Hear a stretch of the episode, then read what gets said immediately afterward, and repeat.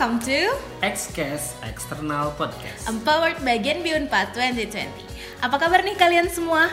Kalian udah gak asing lagi kan dengar suara kita? Yes, balik lagi sama aku Shiva. Dan aku Fawas di episode ketiga Xcast Genbi Unpad.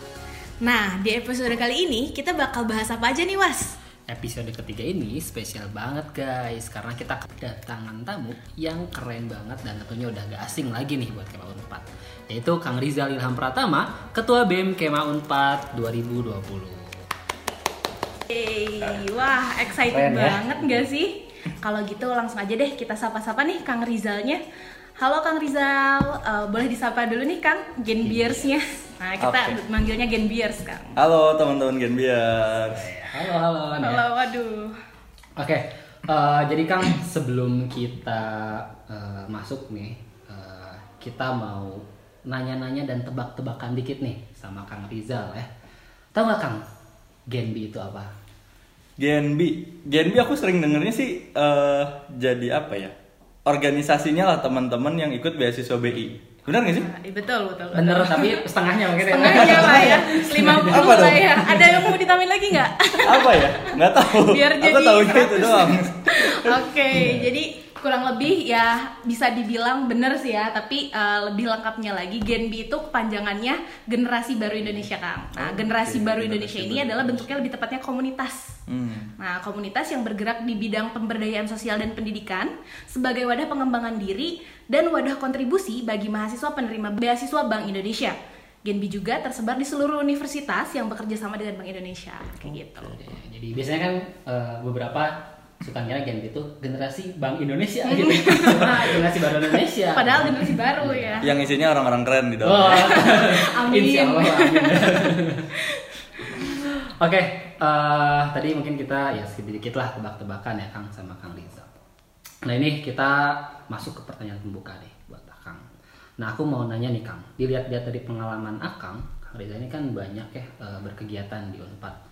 Mulai dari eh, staff di BEM Visip sampai maju jadi kadep dan bahkan jadi ketua BEM Visip ya tahun Ya. 2019 dan kemarin jadi ketua BEM Kema Unpad. Nah sebenarnya nih Kang aku kepo, kenapa sih Akang milih aktif di badan eksekutif mahasiswa gitu? Padahal bisa di- eh, aktif Banyak di gitu. kegiatan-kegiatan Hmm. lain gitu.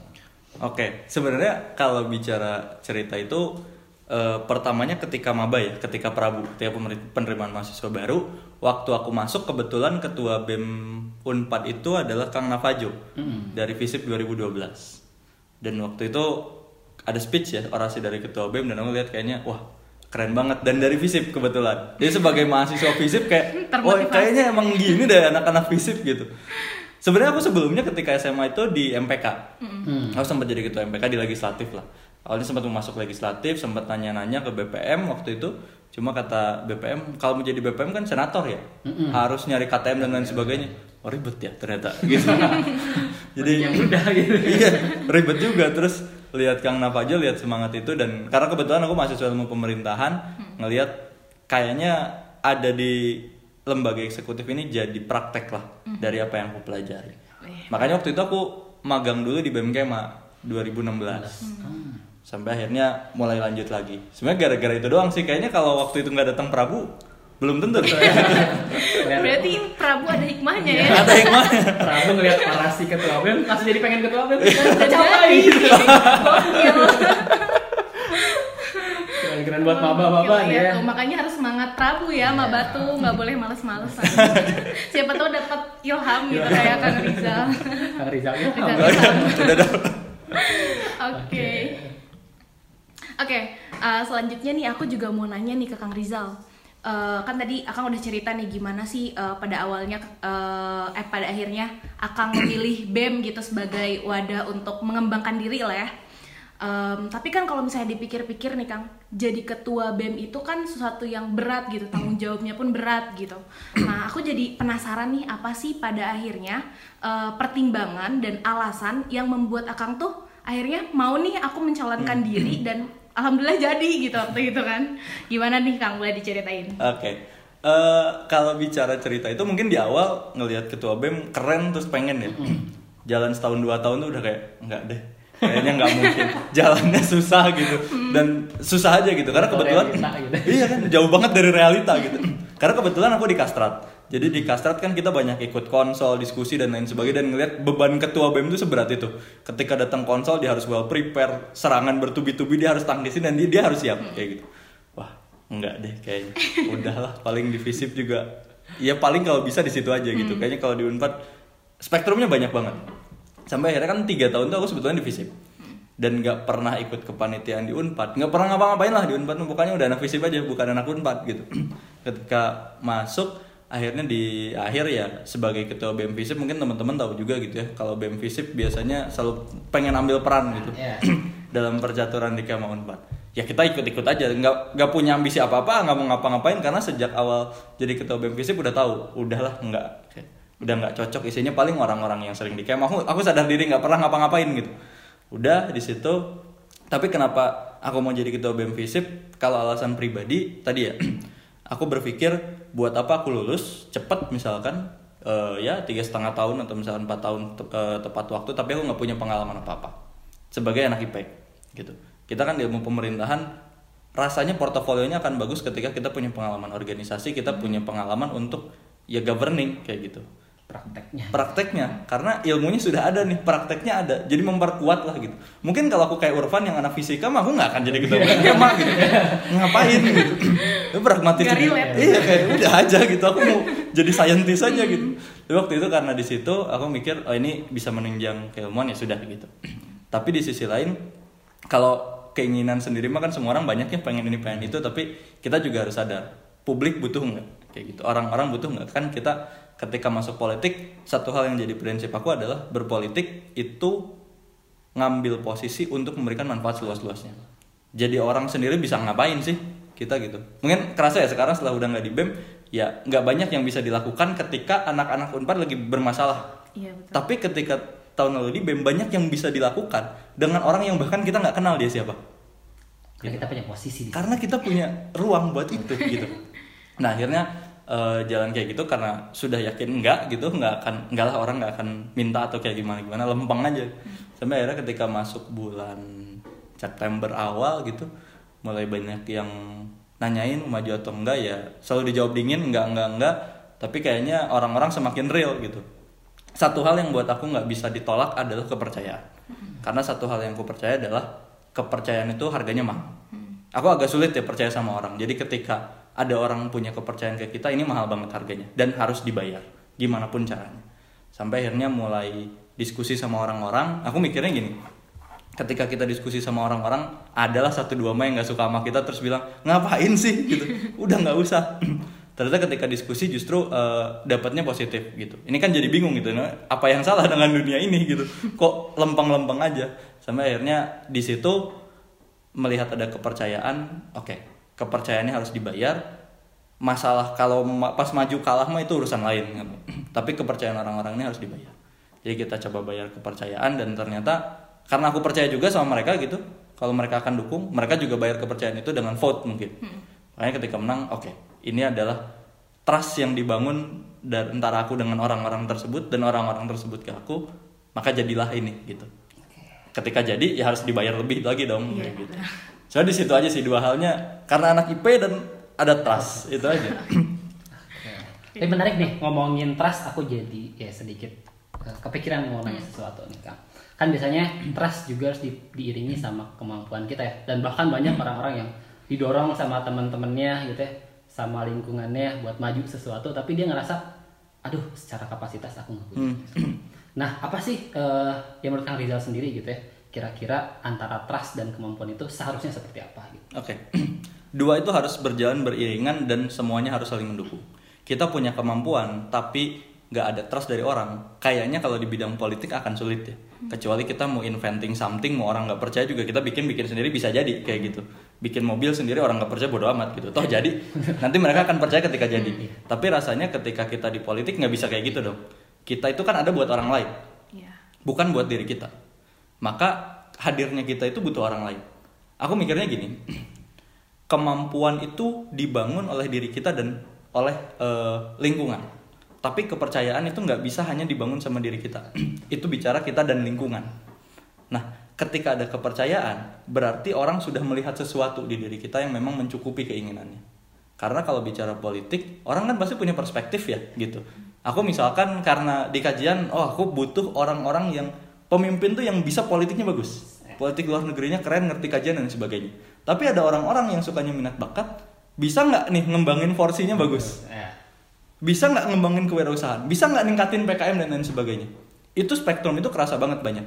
Dan akhirnya kita harus mencoba masuk dengan gagasan kita. Karena satu hal yang aku coba hadirkan gitu ya. Ketika diskusi aku nggak pernah datang misalkan hari ini gitu aku datang ke teman-teman aku mau maju minta dukungannya itu hal yang harus dihindari. Tapi kita ngobrol aku diminta maju layak nggak aku maju? Aku punya kepikirannya mah ini. Jadi kita bisa exchange idea dan mereka bisa ngukur enggak mana nggak layak udah ngapain? Ya. dan eh, menurutku hal-hal kayak gitu yang justru buat kita mengukur diri kapan kita bisa melakukan apa karena satu hal juga yang aku percaya ya kan kadang orang orang yang bilang, "Duh, aku nggak bisa ngapa-ngapain misalnya." Iya. Ya nggak apa-apa, mimpin kan belajar juga, kita sama-sama belajar. Enggak juga gitu. Ketika posisi di pimpinan tuh nggak belajar doang gitu kita tuh. Iya, kita belajar. Belajar tuh sepanjang hayat kita belajar, apa pun banyak. Tapi enggak juga gitu. Ketika memimpin ya kan saya belajar, makanya saya nggak bisa apa-apa nggak gitu gitu. Tapi kita juga mesti jadi orang yang siap. Karena kita akan mengkomandoi waktu di BMKM ada 320 lebih anak-anaknya yang mereka akan bergantung sama kita dan kita akan bertanggung jawab kepada puluhan ribu orang gitu yang bahkan kita nggak kenal dia siapa. Makanya itu eh, ngukur kapasitas itu adalah salah satu bagian dari trust. Ketika kamu percaya sama saya kenapa? Nggak ada yang istilahnya nggak ada makan siang yang gratis. Iya, betul. tapi apakah makan siang ini dikasih karena sesuatu atau kita we earn it gitu? Ya. Kita layak untuk dapat ini. Oke kamu percaya sama saya dukung saya maju. Kenapa? Ya saya deket sama kamu. Nggak saya nggak mau jawaban kayak gitu. Nggak usah dukung saya. Suara kamu tuh cuma jadi satu nanti ketika di vote. Tapi ketika saya kepilih suara kamu nggak akan ada ngapain? Ya. kita butuh yang real kayak gitu. Ketika memang ya saya percaya sama kamu ada track record misalkan atau misalkan dari visi dari apa. Oke kita ngelihat ini trust beneran. Aku nggak butuh teman-temanan dalam artian bukan nggak butuh ya. Nggak butuh yang kepercayaan ayo dukung tapi karena teman aja. Karena itu tuh Fake. cuma ngebangun iya ngebangun semangat. Kita kayak oh ih gila ada yang dukung. Eh, keren juga orangnya. Pas jadi ditinggalin sama mereka. Habis kita di sana kan. Udah sulit lah yang kayak gitu-gitu. Nah itu sih soal ngebangun trust dan kapasitas. Jadi intinya nih ya, eh, kepercayaan dari orang lain itu ngebangun percaya kita diri sendiri. Hmm. tapi tetap harus terukur. Terukur ya. Oke, menarik nih. Nah, kamu tadi setelah kita tanya terkait kenapa, kenapa, kenapanya gitu ya, why-nya. Hmm. Nah, sekarang kita coba tanya what-nya nih ke Kang Rizal, apanya gitu. Nah, selama aktif di UNPAD, entah itu di BEM gitu ya, tadi pengalaman Akang ataupun di luar BEM, menurut Kang Rizal, apa sih kontribusi terbesar Kang Rizal yang pernah dilakukan untuk UNPAD? Atau mungkin kalau bicara tentang kontribusi terbesar itu berat ya, waduh apa klaim ya atau hal deh hal apa yang paling berkesan buat Kang Rizal Oke. selama aktif berkegiatan di Unpad gitu Oke, Eh, aku nggak pernah, aku nggak mau klaim itu sebagai kontribusi sebenarnya agak kayak, waduh, itu biar orang lain yang ngukur. Tapi satu hal yang membuat aku merasa apa? Merasa berguna sebetulnya. Merasa berguna adalah tahun lalu. Pertama karena di BEM Kema dengan cakupan yang sangat luas dan kita dikasih kondisi krisis yang tidak akan pernah diduga sama siapa pun, termasuk kita gitu. Kita di BEM Kema ada empat kali perencanaan yang kita ulang-ulang bikin rencana dan di awal itu yang ngerasain chaosnya dunia gitu. Bahkan ketika orang-orang bilang nih ke mana nih bem? Nih kan kita semua terdampak. Iya kita semua terdampak termasuk saya bro. Gitu. saya juga terdampak. Saya juga bingung ini harus ngapain gitu. Jadi kadang mikir juga ya kita mengkritik presiden atau gimana ini presiden ngerasanya gimana ya gitu.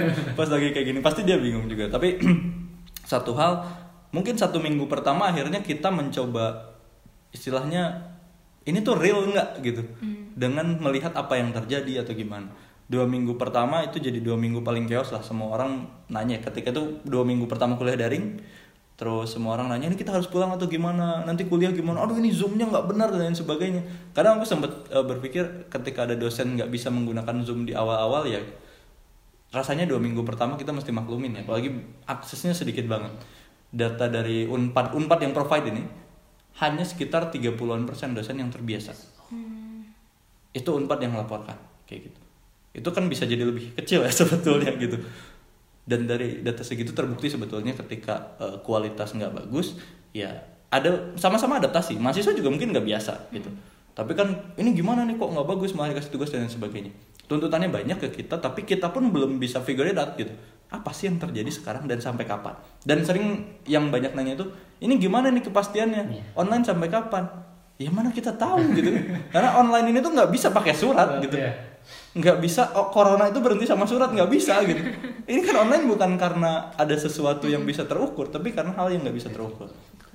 Setelah itu eh, sampai bulan Juni mungkin kita siapin tim relawan kita coba support banyak teman-teman yang di sini eh, jadi satu hal pertama yang menurutku aku merasa berguna karena eh, akhirnya aku hidup tuh bener-bener ngerasain ngasih buat orang. Ngasih dalam artian akunya mah nggak ngasih apa-apa loh. Sama sekali nggak ngeluarin apa-apa tapi kan sebagai eh, pemimpin politik bagi aku resource itu memang bukan punya pemimpin politik. Tapi punya orang lain yang kita sebarkan. Kita menggunakan dalam tanda kutip power yang kita miliki. Itu pertama. Kedua ketika masuk UKT termin kedua ya Iya, itu termin kedua masuk bulan Juli lah kita start. Tiga bulan full teman-teman bahas UKT. Mulai dari kajian, mulai dari propaganda, mulai eh, apa persiapan sistem advokasi dan lain sebagainya. Tiga bulan full kita bahas. Kayaknya nggak ada bahasan selain UKT gitu di BEM. Dan eh, satu hal waktu itu capek dan lain sebagainya pasti ada gitu. Kadang ya apa sih ini nggak beres-beres. Tapi satu hal yang aku rasain karena keluargaku termasuk yang terdampak ekonomi ya. Bahkan eh, ya agak sulit lah untuk membayar UKT. Ketika itu yang kupikir adalah mungkin hari ini akan ada banyak orang yang harus minjem uang atau mengurangi porsi makannya di rumah untuk bayar UKT. Sementara yang aku lakukan mudah. Misalkan nama Fawas, tinggal nama Fawas dimasukin sebagai yang diterima. Apa susahnya? Semudah itu tapi bisa berdampak banyak banget bagi kehidupan orang itu saat itu. Mungkin biasanya dia biasa aja, atau mungkin semester depannya dia udah biasa aja, tapi saat itu mungkin pengorbanan dia tuh banyak banget buat bayar UKT. Yang kita nggak tahu orangnya siapa nggak kenal, dari mana dan lain sebagainya kita nggak tahu. Tapi sesimpel itu, kita mencoba eh, memastikan manfaat yang kita berikan sebanyak mungkin. Anak-anak pasti banyak, eh, banyak lah yang mengeluh karena gini misalkan di akhir kita harus ngecek satu-satu orang-orang ini ada sekitar 900-an orang-orang yang kita teleponin satu-satu. Nah, orang-orangnya banyak nanya ini siapa gitu. Ada kan gitu. kita teleponin satu-satu. Gimana nggak serem gitu. Kita memastikan dia sanggup bayar berapa. Kita teleponin satu-satu. Anak-anak capek, capek. Aku denger, denger banget sering gitu. Keluhan kita eh, seminggu gadang ngurusin data dan lain sebagainya. Tapi ini bukan buat kita, gitu. Ini buat orang lain. Eh, waktu itu udah kita tetap dihujat juga ada karena banyak orang-orang yang bilang kok nggak mempertahankan yang potongan gitu, kok menyerah dan lain sebagainya. Ya sudah, aku bilang yang penting apa pun yang terjadi bagi kita mah bukan masalah eh, kita diapain, tapi berapa banyak orang yang menerima manfaat. Tujuan kita adalah ngebantu orang-orang. Beres setelah itu yang ketiga adalah kondisi ini akhirnya menunjukkan organisasi harus resilient. Organisasi harus kuat dan paham jiwa dari organisasi ini. Kerasa banget banyak orang yang nggak ngerti BEM itu apa. Kerasa banget. Karena pas ini, waduh program saya gini, nah ini nih yang gini-gini nih. Manusia-manusia kayak gini nih. Yang akhirnya bikin organisasi ini mandek. Karena kerasa banget banyak organisasi yang mandek. Karena anak-anaknya nggak ngerti organisasinya tuh apa. BEM itu apa sih? dan itu akhirnya satu hal yang dilakukan kita bikin banyak eh, dokumen lah gitu untuk mendudukan lagi jiwanya bem itu siapa? Ruhnya bem itu gimana? Karena yang penting buat bem itu bukan gimana bisa lebih baik dari tahun sebelumnya gimana adaptif dan lain sebagainya. Itu wajib jelas. Tapi sebelum itu mereka harus tahu ruhnya siapa. Bem itu kenapa harus ada? Sesimpel kalau nggak ada bem memang kenapa? Orang masih bisa hidup kok masih bisa kuliah. Nggak ada bem tenang-tenang aja. Banyak kan teman-teman kita yang nggak ngebem tapi bisa kuliah. Tapi ketika UKT mereka lari ke mana ke bem. Gitu. Tapi apakah cuma bem doang? Kalau mereka tiba, tiba bikin apa gitu? Nah yang kayak gini kita harus bisa bangun relevansinya. Tiga hal mungkin. Yang pertama ketika covid mencoba support teman-teman mahasiswa support UKT dan yang ketiga kontribusi bagi lembaganya adalah sedikit menyadarkan gitu ke lembaga ngebangun fondasi bahwa setiap lembaga itu punya jiwa yang harus dibangun dulu sebelum ngebangun raganya. Itu sih mungkin kayaknya setahun kemarin nih sangat Yang berkesan. paling berkesan gitu ya bener-bener nih covid tuh ternyata bawa banyak, Banyak hikmah, hikmah ya. ya. Banyak banget. hal yang berkesan Ya, gitu. benar. Wah, Tak banyak banget eh, apa namanya ditekan dituntut tapi kita juga banyak belajar gitu Iya. gara-gara covid ini Justru tekanan yang bikin kita belajar. Yap, betul betul. banget. biasanya kalau udah kita tekan ya oh, langsung nih otak tuh uh berpikir banyak gitu. Oke, nah eh, sekarang giliran aku nih nanya what yang kedua nih Kang. What yang kedua apa nih? Eh, tadi kan Kang Rizal udah cerita tentang kontribusi, terus tentang eh, apa yang eh, berkesan buat Akang, apa yang eh, mera- Akang merasa jadi ber apa tadi Berguna. bermakna, oh berguna, oh ya berguna. Oke, nah aku mau nanya nih, eh, kalau menurut versi Akang sendiri, kontribusi itu sendiri tuh apa sih maknanya? Kontribusi itu adalah ketika kita sadar kalau kita itu manusia. Manusia dengan kemanusiaannya. Manusia yang hakikatnya makhluk sosial. Manusia sebagai makhluk yang punya mimpi sempurna tapi dirinya tidak sempurna.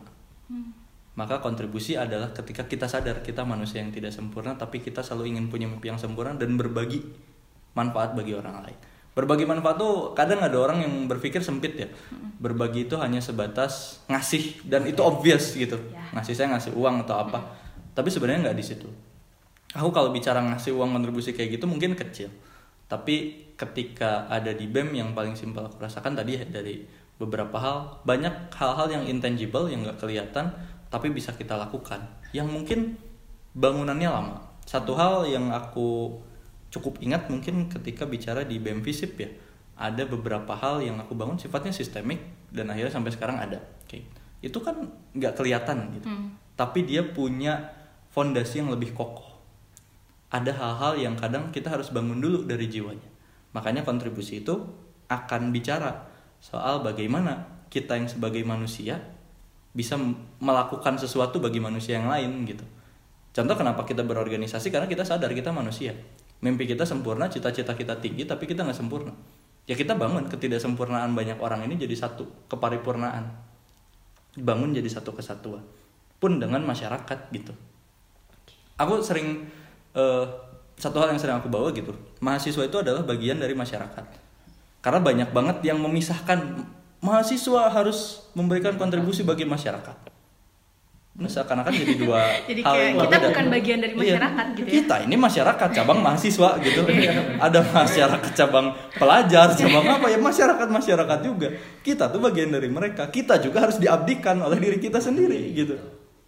Jadi eh, ketika kita mem- membuat satu itu gitu satu pembatas, kita jadi berjarak. Kita jadi berbagi perannya terlalu jauh. Ya mungkin sekarang kita mahasiswa karena kita di kampus, pulang dari kampus kita masyarakat juga kok. Iya. Ya. betul. Jadi kadang stigma kayak gitu melupakan. Jadi ketika kita udah masuk kosan gitu, teman-teman udah keluar dari gerbang kampus masih mahasiswa. Padahal udah jadi masyarakat Jatinangor juga. Nah, yang gitu-gitu eh, akhirnya bagaimana kita bisa membangun itu sih kayak gitu. Kemarin kerasa ketika di Jatinangor sepi banget.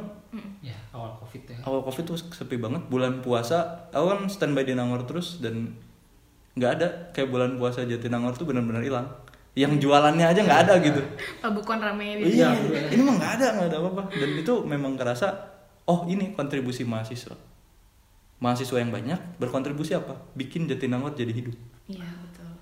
Ada mas, ada rumah-rumah yang akhirnya bisa ngebul dapurnya setiap hari karena ada mahasiswa. UMKM UMKM. Karena UMKM bergerak. Apakah kita memberi? Enggak, kita mau beli. Iya. Tapi itu adalah kontribusi. Gitu. Sesimpel itu pun adalah kontribusi. Makanya eh, kontribusi menurutku adalah bagaimana kita menempatkan diri kita sebagai satu titik kecil di masyarakat yang titiknya banyak banget kayak gitu. Itu aja sih sebenarnya. Keren banget ya. Filosofis banget nih. dalam banget nih sampai terkesima mendengar penjelasannya. di kontribusi itu bagi Kang Rizal sadar menjadi manusia yang tidak sempurna tapi tetap memiliki cita-cita yang sempurna Iya. dengan ya memaksimalkan hal yang tidak sempurna tadi kayak, kayak bahkan sekecil kita beli ke pedagang pun itu udah masuk kontribusi Iya. Iya. ini kerasa banget ketika Menghidupkan UMKM ya. betul ya ketika ketika di Jatinangor nggak ada mahasiswa nggak ada yang beli beli eh, di pedagang nggak ada yang menghidupkan dapur-dapur mereka wah itu chaos tuh ya Iya, cuma sekecil banget. karena nggak beli doang iya Iya. benar. Oke, itu keren banget sih. Nih Kang, eh, ini kan tadi dia udah bela- belajar banyak juga dari Kang Rizal terkait pengalamannya, khususnya tahun kemarin ya, Hmm. yang menjabat, bukan menjabat, punya peran sebagai ketua BEM. lalu dalam kondisi krisis gitu ya. Nah, eh, ketika akan menduduki istilahnya puncak puncak kepemimpinan gitu ya di Kema Unpad gitu. Mungkin akan kan ngelihat dari atas tuh banyak banget hal-hal entah itu potensi, entah itu masalah yang dimiliki oleh Unpad maupun Kema Unpad bahkan Jatinangor gitu. Nah, eh sepenglihatan Akang nih. Ada nggak sih potensi-potensi eh, yang belum termaksimalkan di Unpad maupun di Kema Unpad bahkan Jatinangor yang sekiranya tuh sebenarnya bisa dikembangkan gitu oleh semua elemen yang ada di Kema Unpad hari ini atau bahkan di masa mendatang. Oke. Unpad itu sebenarnya kaya banget akan potensi. Eh, cuma kadang kitanya sendiri yang nggak mau mengembangkan diri kita.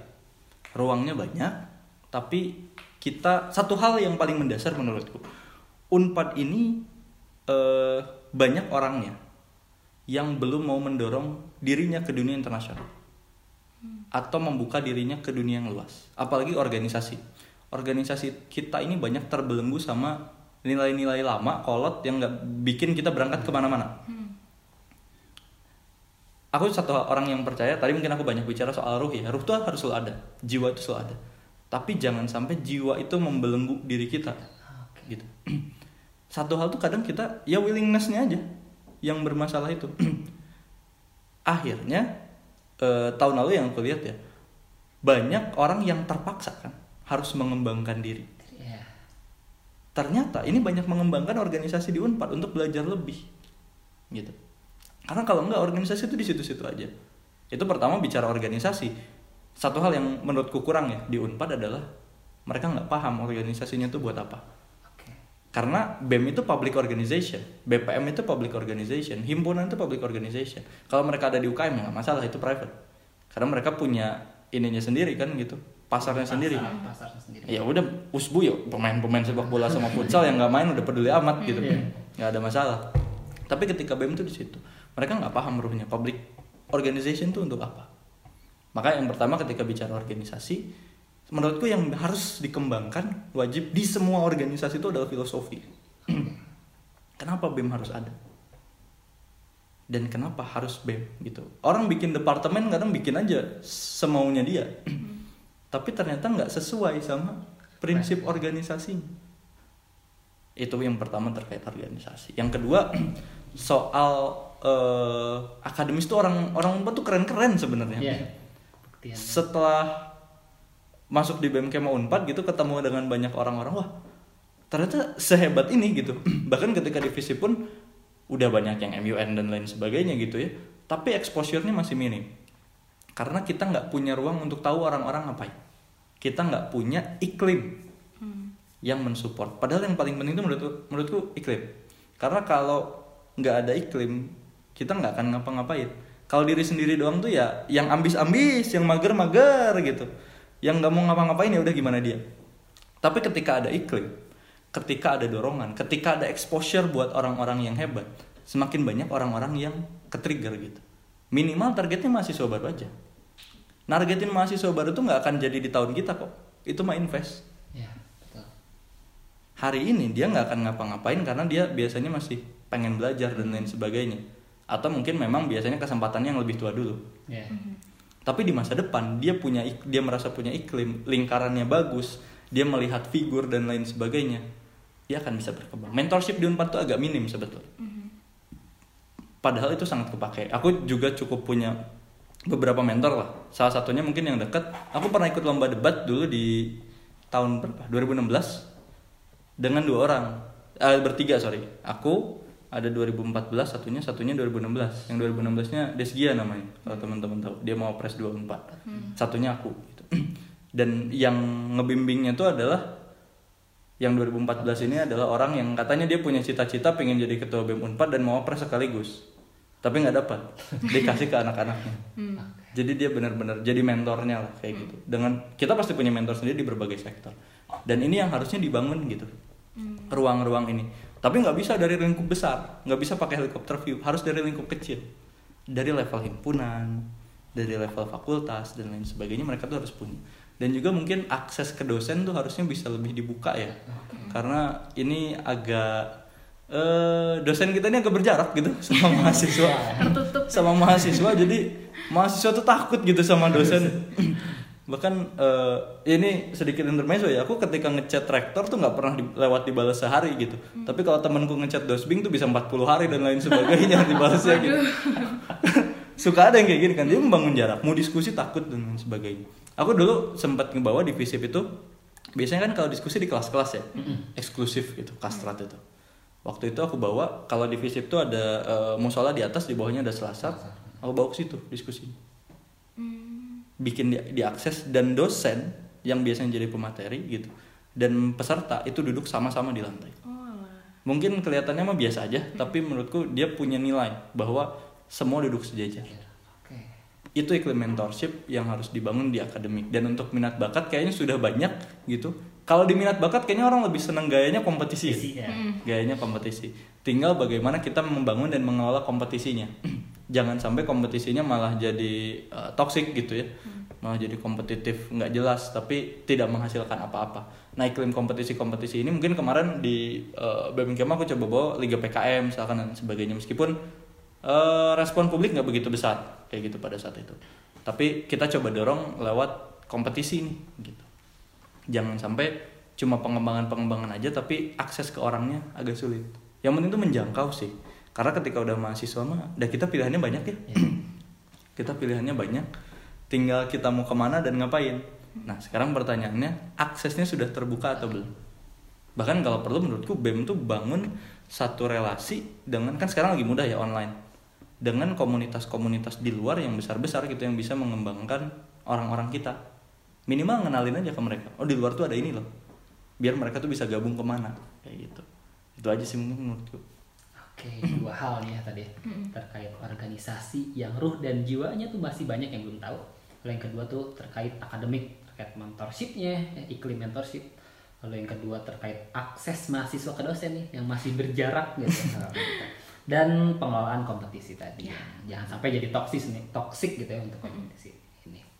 Betul. Oke. Semoga aja ya ibu-ibu, bapak-bapak dosen kita lebih terbuka lagi ke depannya gitu ya. Amin. Ya, setelah mungkin ini yang denger ada Ada dosen juga ya. kayaknya. Siapa tahu terbuka gitu. dari Iya, semoga Kang terbuka Rizal. gitu dari Kang Rizal nih. Oke. Sebelum masuk ke tes nih, Teh, aku ya tadi kan banyak bicara tentang Hmm. Unpad gitu ya. Sebenarnya nih Kang, eh, Akang kan nih udah mahasiswa tingkat akhir lah istilahnya. Hmm. Udah mau meninggalkan Unpad. Terlepas tar mungkin Akang mau jadi apa di Unpad mungkin ya gitu. Ada, ada sesuatu gitu. nah sebenarnya Kang, eh, eh, arti pajajaran bagi Akang itu sendiri apa? Pajajaran itu adalah sebuah kerajaan yang penuh makna bagi orang Sunda. Bahkan eh, Sunda masih kokoh sampai hari ini. Bahkan kalau teman-teman cek gitu ya, eh, aku termasuk orang yang sering membawa filosofi kesundaan di organisasi.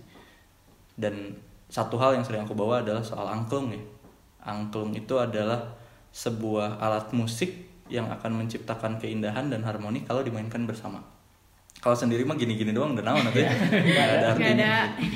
Pajajaran itu adalah kerajaan yang nggak punya pusat peradabannya satu doang, tapi dia akan tersebar di mana-mana. Kenapa?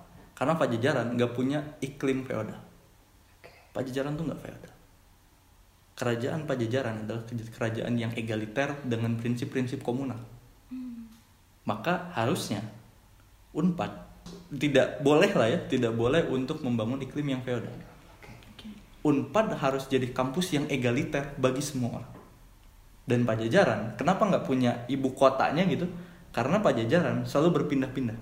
Kenapa dia berpindah-pindah? Karena dia ingin meluaskan manfaat yang dia berikan. Kalau dia membangun ibu kota satu, diem nih. Yang bagus nih ibu kotanya. Lihat aja negara kita. Jakarta bagus di luar masih jalan jelek-jelek dan lain sebagainya. Karena apa? Kita akan terpusat di ibu kota ini. Tapi Pajajaran berpindah dari Galuh ke Pakuan. Misalkan, kenapa? Karena ia ingin memberikan manfaat seluas-luasnya di berbagai daerah yang eh, ia miliki. Maka bagiku Pajajaran harus bisa menjadi ruh bagi anak-anak Universitas Pajajaran. Bahwa ia ke mana pun langkahnya berada, manfaat harus dia tebar di sana. Dan ketika dia pergi dari sana, bukan cuma di tempat sebelumnya dia memberikan manfaat, tapi di tempat selanjutnya ia punya tugas untuk membuat manfaat lagi. Pindah lagi memberikan manfaat. prinsip pajajaran itu yang harus tetap melekat di setiap jiwa mahasiswa. Itu sih. Gila, keren banget sih. Oke lanjut ya. Oke. Nggak kerasa juga ya kita udah cukup lama juga nih berbincang-bincang. Mungkin terakhir nih Kang, pertanyaan terakhir sebelum kita tutup. Em, Kang Rizal boleh dong sampaikan pesan dan harapan Akang untuk Kema Unpad eh, agar tetap bisa aktif dalam memberi kontribusi untuk Unpad. Oke. Eh, era sekarang adalah eranya, eranya kolaborasi. Eranya kita harus sadar kalau kita nggak bisa berdiri sendiri, tapi ruang kolaborasi semakin terbuka. Maka eh, untuk teman-teman Universitas Pajajaran, untuk teman-teman Kema Unpad, ini harus jadi momentum yang dimanfaatkan. Online ini harusnya bisa membuat BEM Unpad atau BEM fakultas di Unpad ada di negara-negara yang jauh di mana pun itu. Manfaatnya bisa ada. Dan teman-teman bisa belajar dari mana pun itu.